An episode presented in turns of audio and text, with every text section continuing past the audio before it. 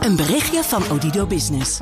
Hoe groot je bedrijf ook is of wordt, bij Odido Business zijn we er voor je.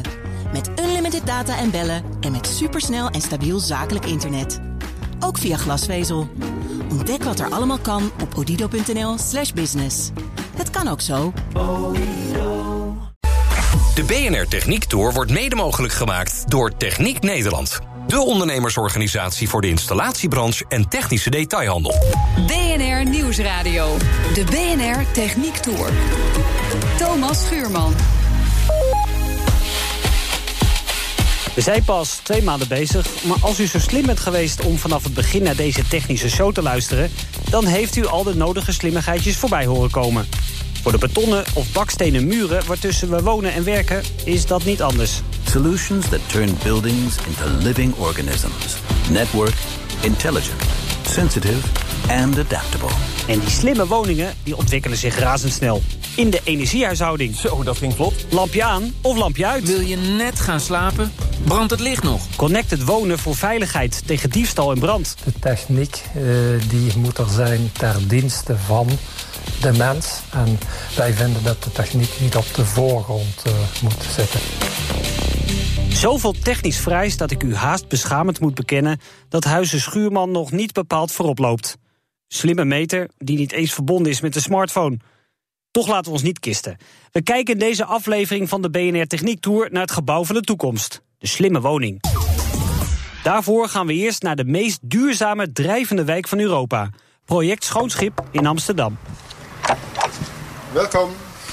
Goedemiddag. Goedemiddag.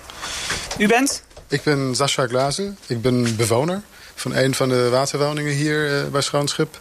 En ook de hoofdarchitect uh, met mijn bureau Space Matter. Ja. Nou, dan kunt u mij alles wel vertellen wat dit gebouw, dit project zo slim maakt. Zeker, zeker. Dus ik denk eerst gaan we even naar de woonkamer lopen. Kom even mee. Hier zitten we eigenlijk op de hoogte van het water. Kijk naar buiten. We zijn in Amsterdam-Noord voor de duidelijkheid. Precies, uh, in de Van Hasseltkanaal. En uh, we zijn al rond acht, negen jaar met het project bezig. Uh, we hadden het doel om de duurzaamste drijvende woonwijk van Europa te maken. Mm -hmm. En volgens mij is dat gelukt. Ja. Dus de eerste woningen liggen hier al. De eerste zeven woningen. Begin maart komen, komen de volgende vijf, zes. En ik denk voor de zomer uh, zijn we compleet met 30 waterwoningen ja. en 46 huishoudens. Dat ging allemaal niet vanzelf. Zo werden aan de voorkant door de gemeente Amsterdam al de nodige duurzaamheidsvoorwaarden verplicht. Ja, we hebben verschillende warmtebronnen uh, en energiebronnen ook. Dus uh, aan de ene kant gebruiken we het water, een water-water-warmtewisselaar. Mm -hmm. Die ligt uh, in het water met een grote bal, een heel lange waterslang erin. En die voedt de warmtepomp. Dus we hebben in principe nu een watertemperatuur bij 5 meter diepte van 6 graden. En de warmtepomp, die met een compressor perst eigenlijk de, de energie eruit. Of hij haalt de energie 8 graden uit, zodat het water weer op min 2 naar het water terug kan, uh, kan gepompt worden. En dat warmteverschil, is dat is voldoende voor jullie om het hier warm te krijgen? Om het langzamerhand eigenlijk warm te krijgen. Dus, dus ondanks dat het buiten koud is, relatief koud... Ja. Wordt het toch warm? Ja, precies. Daar heb je een beetje tijd voor nodig. Maar de waterpomp kan meer. Die kan in de zomer de vloerverwarming ook koelen. Dan zijn we op de bovenverdieping. Een paar meter dus ook boven het water. Ja, een hele mooie uitzicht over het water. Dus Drie slaapkamers, maar zeker natuurlijk ook de badkamer. Precies. En hier bij de badkamer zien we eigenlijk verschillende dingen. Ten eerste hebben we gekozen voor een recyclatiedouche. Dus deze douche die verbruikt heel weinig energie en water. Dus de douche is normaal gesproken een energievreter in het uh, huis. Dus deze douche, wat, wat uh, deze douche doet, is dat het uh, in principe het water filtert. En dan weer door de douchekop boven de oud wordt. Ja. En er komt heel weinig vers water bij. En het moet ook heel weinig water weer opgewarmd worden. De kant heb je weinig energieverbruik en ook nog weinig waterverbruik. En hoe wordt dat water dan teruggepompt als het ware? Ik bedoel, ja, hoe maakt het het dan schoon? Het zit een filter eronderin en volgens mij met UV, uh, UV uh, of ja, hoe heet het in het Nederlands? UV-straling. UV uh, wordt het nog verder gefilterd en ook de bacteriën gewoon kapot gemaakt. We hebben het allemaal gezien. Ik heb er zelf niet onder gestaan. Vandaag hebben dat gaat we... toch een dingetje worden? Zeker, zeker, zeker. Ja, ja dus dat is één dingetje hier in de badkamer. verder zie je eigenlijk hier de aansluiting voor, de, voor onze vacuümtoilet. Het toilet spoel je normaal gesproken met heel veel water door. Mhm. Deze toilet minder. Dus het is een soort vacuüm wat de hele tijd uh, uh, onder druk staat. Eigenlijk wordt gezogen door de stijger heen naar de kader. En uh, het zwart water gaat dan naar de bioraffinaderij... die door Waternet wordt gebouwd. Mhm. Mm -hmm. waar de hier in Amsterdam? Hier in Amsterdam. Uh, waar de energie hieruit gehaald wordt en ook nog uh, nutriënten. Ja. Maar zo'n bioraffinerij kan je niet op 30 waterwoningen draaien. Dus uh, wat mooi is dat ook andere projecten nu op dit project, of dit pilotproject aansluiten. Dus je ziet hier nog 400 woningen die. Zoiets werkt alleen maar als meerdere mensen meedoen of bedrijven. Precies, precies. Daar heb je gewoon een nog grotere schaal voor nodig. Ja. En nog één keer, die vacuümpomp, hoe werkt dat? Dus je ziet eigenlijk hier de vacuüm... Vacuüm wc? Ja, vacuümleiding. Die wordt er aangesproken op de pot. Uh, je drukt normaal gesproken, het lijkt op een gewone toilet... maar het, het, is een beetje het gevoel wat je hebt in een vliegtuig. Ja. Um, Krijg je in één keer zo'n enorme... Een, be een, beetje dit, maar ook niet zo heel erg. Met een klein beetje water of helemaal geen water? Heel, ja, heel weinig water. Ja. Dus veel minder water. Ja. Dus je gebruikt minder water gewoon. Dat is het leuke. En uh, ook dat... Enig idee ook hoeveel minder? Volgens mij, op mijn hoofd is het uh, 4 liter. Maar dat weet ik niet 100%. N bij een spoelbeurt hier ja, en in een normale wc? denk ik met uh, 10 of 12 liter. Schoonschip wil een nieuwe leefstijl zijn. Slimmer. Dan gaan we ook nog eens eventjes naar de technische kamer. De meeste mensen hebben thuis misschien een uh, meterkast of zo. Hè? Dat is wel aardig technisch, maar hier is het eigenlijk een uh, complete ruimte. Ja, zeker. Dus um, volgens mij is het ook het hart van het huis. Um, wat je hier ziet is eigenlijk de warmtepomp. Die is, heeft een beetje de afmeting van, van een koelkast. Ja. Um, hiernaast zie je een... Ziet ook op staan, hè? 21 graden, zo warm is ja, het in huis. Ja, precies. En de buitentemperatuur is nu 9 graden. Ja. Um, hiernaast zie je een boilervat. Dus we hebben ook nog een zonneboiler op het dak. Mm -hmm. Naast alle PV-panelen hebben we ook een zonneboiler. Uh, waarmee wij ook het water uh, opwarmen. Ja. En dan zien we in de hoek hier nog de batterij. Dat is volgens mij ook uniek aan dit project, dat wij een smart grid krijgen. Dus als hele community met uh, 46 huishoudens krijgt elke woning krijgt een batterij in de kelder. En alle woningen zijn met elkaar verbonden en ook alle zonnepanelen. Dat betekent dat... En daar komt energie vandaan? En daar komt energie vandaan, door de zonnepanelen. Maar als ik bijvoorbeeld op vakantie ben... Uh, kan de, mijn buurman kan de energie of mijn zonnepanelen gebruiken, in principe. En daar hebben we een crypto... Je zegt dat een beetje lachend, in principe? Ja, in principe wel. Daar komt ook nog... Uh, we hebben een cryptocurrency. Dat betekent dat als iemand de energie van iemand gebruikt... dan hebben we daar een verdeelsleutel... Uh, of die moeten we nog ontwikkelen, daar aanhangen. En dan kunnen we ook...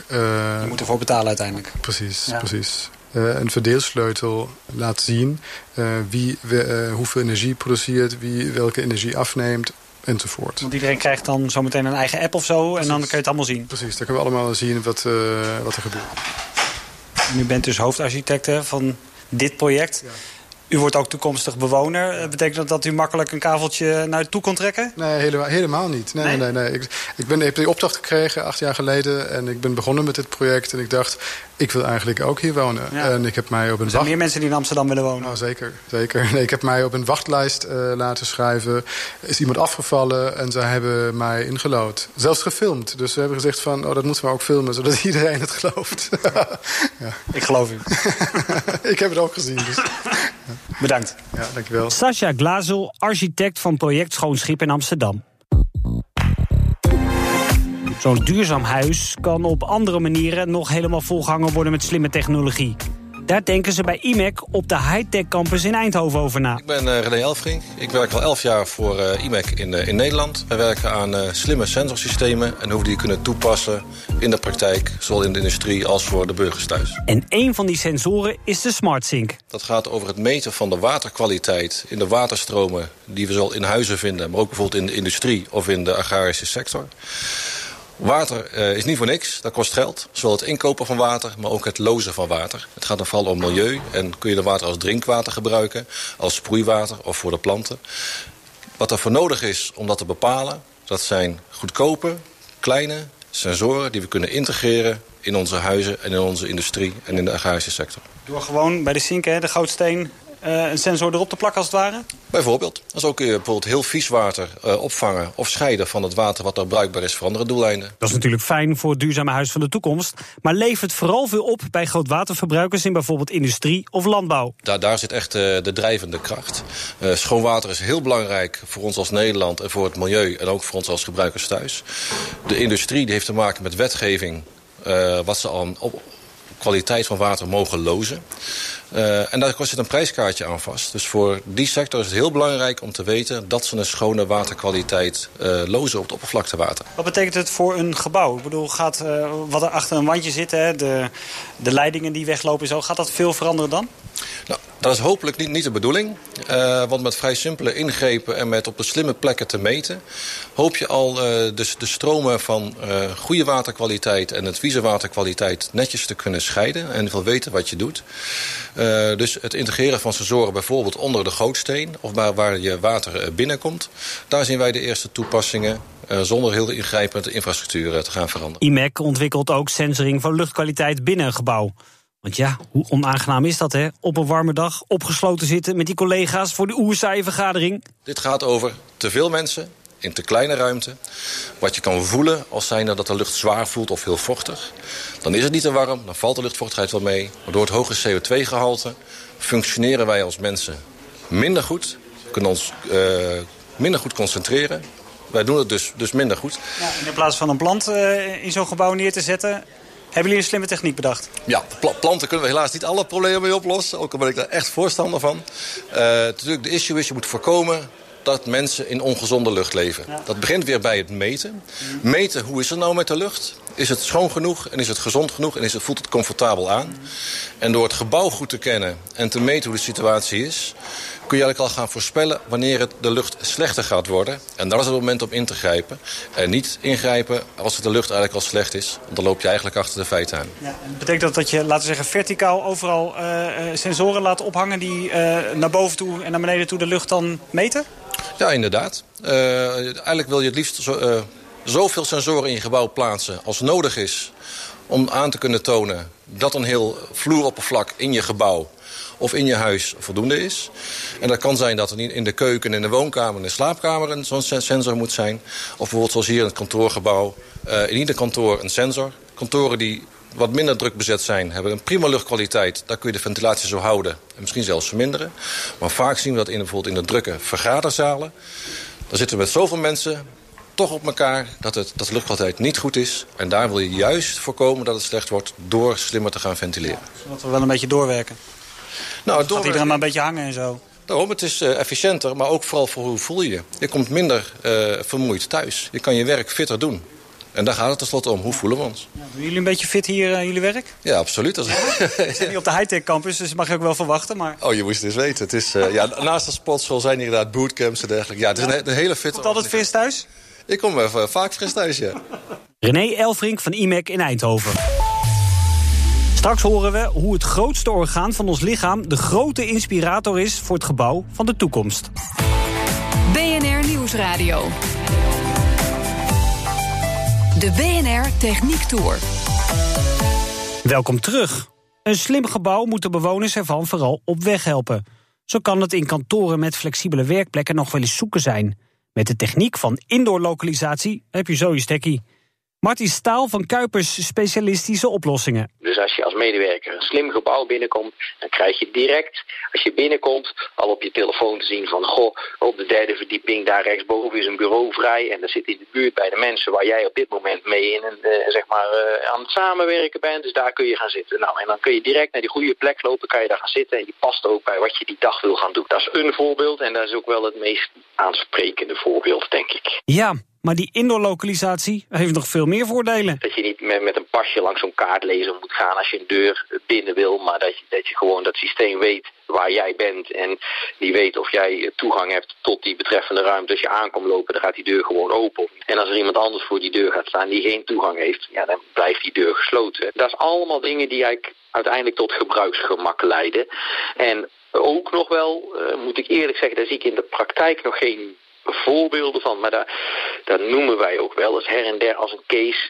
Waar jij ook zegt veiligheid. Hè. Op het moment dat er iets aan de hand is in zo'n gebouw, dan weet je ook heel snel waar de mensen in dat gebouw zich bevinden. En vanuit de BHV hulpverlening zou daar heel interessant kunnen zijn. Maar voor alle eerlijkheid, die zie ik wel als case. En ik geloof ik zeker dat we dat in de toekomst gaan doen. Alleen daar zie ik nog geen concrete praktische voorbeelden van op dit moment. Sensoring is er of komt eraan, weet Martin Staal van Kuipers. Maar die slimme gebouwen kunnen ook slimmer worden door slimme materialen. En laat daar nu net een hoogleraar in zijn. Albert Schenning van de TU Eindhoven. Ja, ik vind heel veel materiaal. En wat de een slim vindt, vindt de ander niet slim. Slimme materialen zijn, eh, voor ons zijn het materialen die van eh, functie kunnen veranderen. Als ze blootgesteld worden aan een, eh, eh bijvoorbeeld een verandering in, in de omgeving. Ja. Dat kan dus op vele manieren. Ja, dus het kan zijn, eh, ze veranderen van kleur. Ze, ver- eh, ze kunnen van vorm veranderen. Bijvoorbeeld porositeit. En dat doen ze als bijvoorbeeld de temperatuur verandert. Dus de omgevingstemperatuur verandert. Of de luchtvochtigheid verandert. Of eh, eh, dag en nacht bijvoorbeeld. Dus licht. Zo hebben ze in Eindhoven een raam ontwikkeld dat uit zichzelf transparant wordt of verstrooid raakt. Het principe is precies hetzelfde als wat je gebruikt in je eh, smartphone. Dus dat is een LCD, een liquid crystal display. Dus dit is de display die je gebruikt in je smartphone. En datzelfde principe kun je ook gebruiken voor een slim raam. Ja. Waarbij je in dit geval nu schakelt tussen eh, transparant. Dat is dan in ons geval de rusttoestand. En we kunnen dan schakelen naar een verstrooiende toestand. Ja. Doordat kun er een vloeistof in komt. Ja, de liquid crystal, de, de vloe- het vloeibaar kristal. Ja. Het, dit hele principe is hetzelfde als een display. Die we alle kennen. Nou, wat je er dan mee kan doen is... Eigenlijk kun je dan de, het, het zonlicht wat in dit gebouw komt... kun je reguleren met, met eh, zo'n soort raam. En in dit geval gebruiken we dan elektriciteit... om te kunnen schakelen tussen transparant en verstrooiend. Ja, dus er zit wel een tussenschakel nog in. Ja, precies. Maar we kunnen ook eh, het een, nog een extra functie geven... zodat het raam ook zelf zijn energie kan opwekken. Dus eh, zelf voor de elektriciteit kan zorgen. Dus dan is het Ook nog eens een keer. Ja, is een helemaal autonoom systeem. En we- ik bedoel, eh, dit raam hier, daar was nog wel een probleempje mee, geloof ik. Dat was een klein probleempje mee, We ja. proberen altijd de realiteit te zien, maar deze was het dan weer net niet. Nee, die is naar een beurs gegaan en ik, ik heb, hij is niet meer heel huis teruggekomen. Dus ik kan hem helaas niet, eh, niet schakelen. Maar gaan we deze binnenkort wel in de gebouwen zien? Ja, dat hopen we wel. Dus we, we, zijn het ook aan het opschalen. En eh, ja, we kunnen nu echt al hele grote ramen maken van eh, meters bij meters. Ja. Die het ook blijven doen dus, in Ja, dit, die- geval wel. Ja, die het blijven als we maar niet eh, naar een beurs gaan en eh, onbeheerd eh, achterlaten. Zo simpel is het. Een vloeistof tussen de twee platen van dubbelglas. Schenning werkt ook aan een coating, een soort verf op een raam... dat infraroodlicht tegenhoudt of juist doorlaat. Afhankelijk van de temperatuur. En infraroodlicht, dat is eh, ongeveer 50% van het zonnespectrum. En dat zorgt ervoor dat, eh dat gebouwen warm worden. Je ziet het niet, maar het is er wel. Eh, ja, exact. Nou, iedereen kent het wel eens op een zonnige dag in de auto. hè, je stapt je auto in en het is ontzettend warm. Nou, dat komt door het infraroodlicht. Dat door de ramen in je auto komt en zorgt voor de opwarming. Dus wat we proberen te doen is een coating te hebben die reageert dan op temperatuur.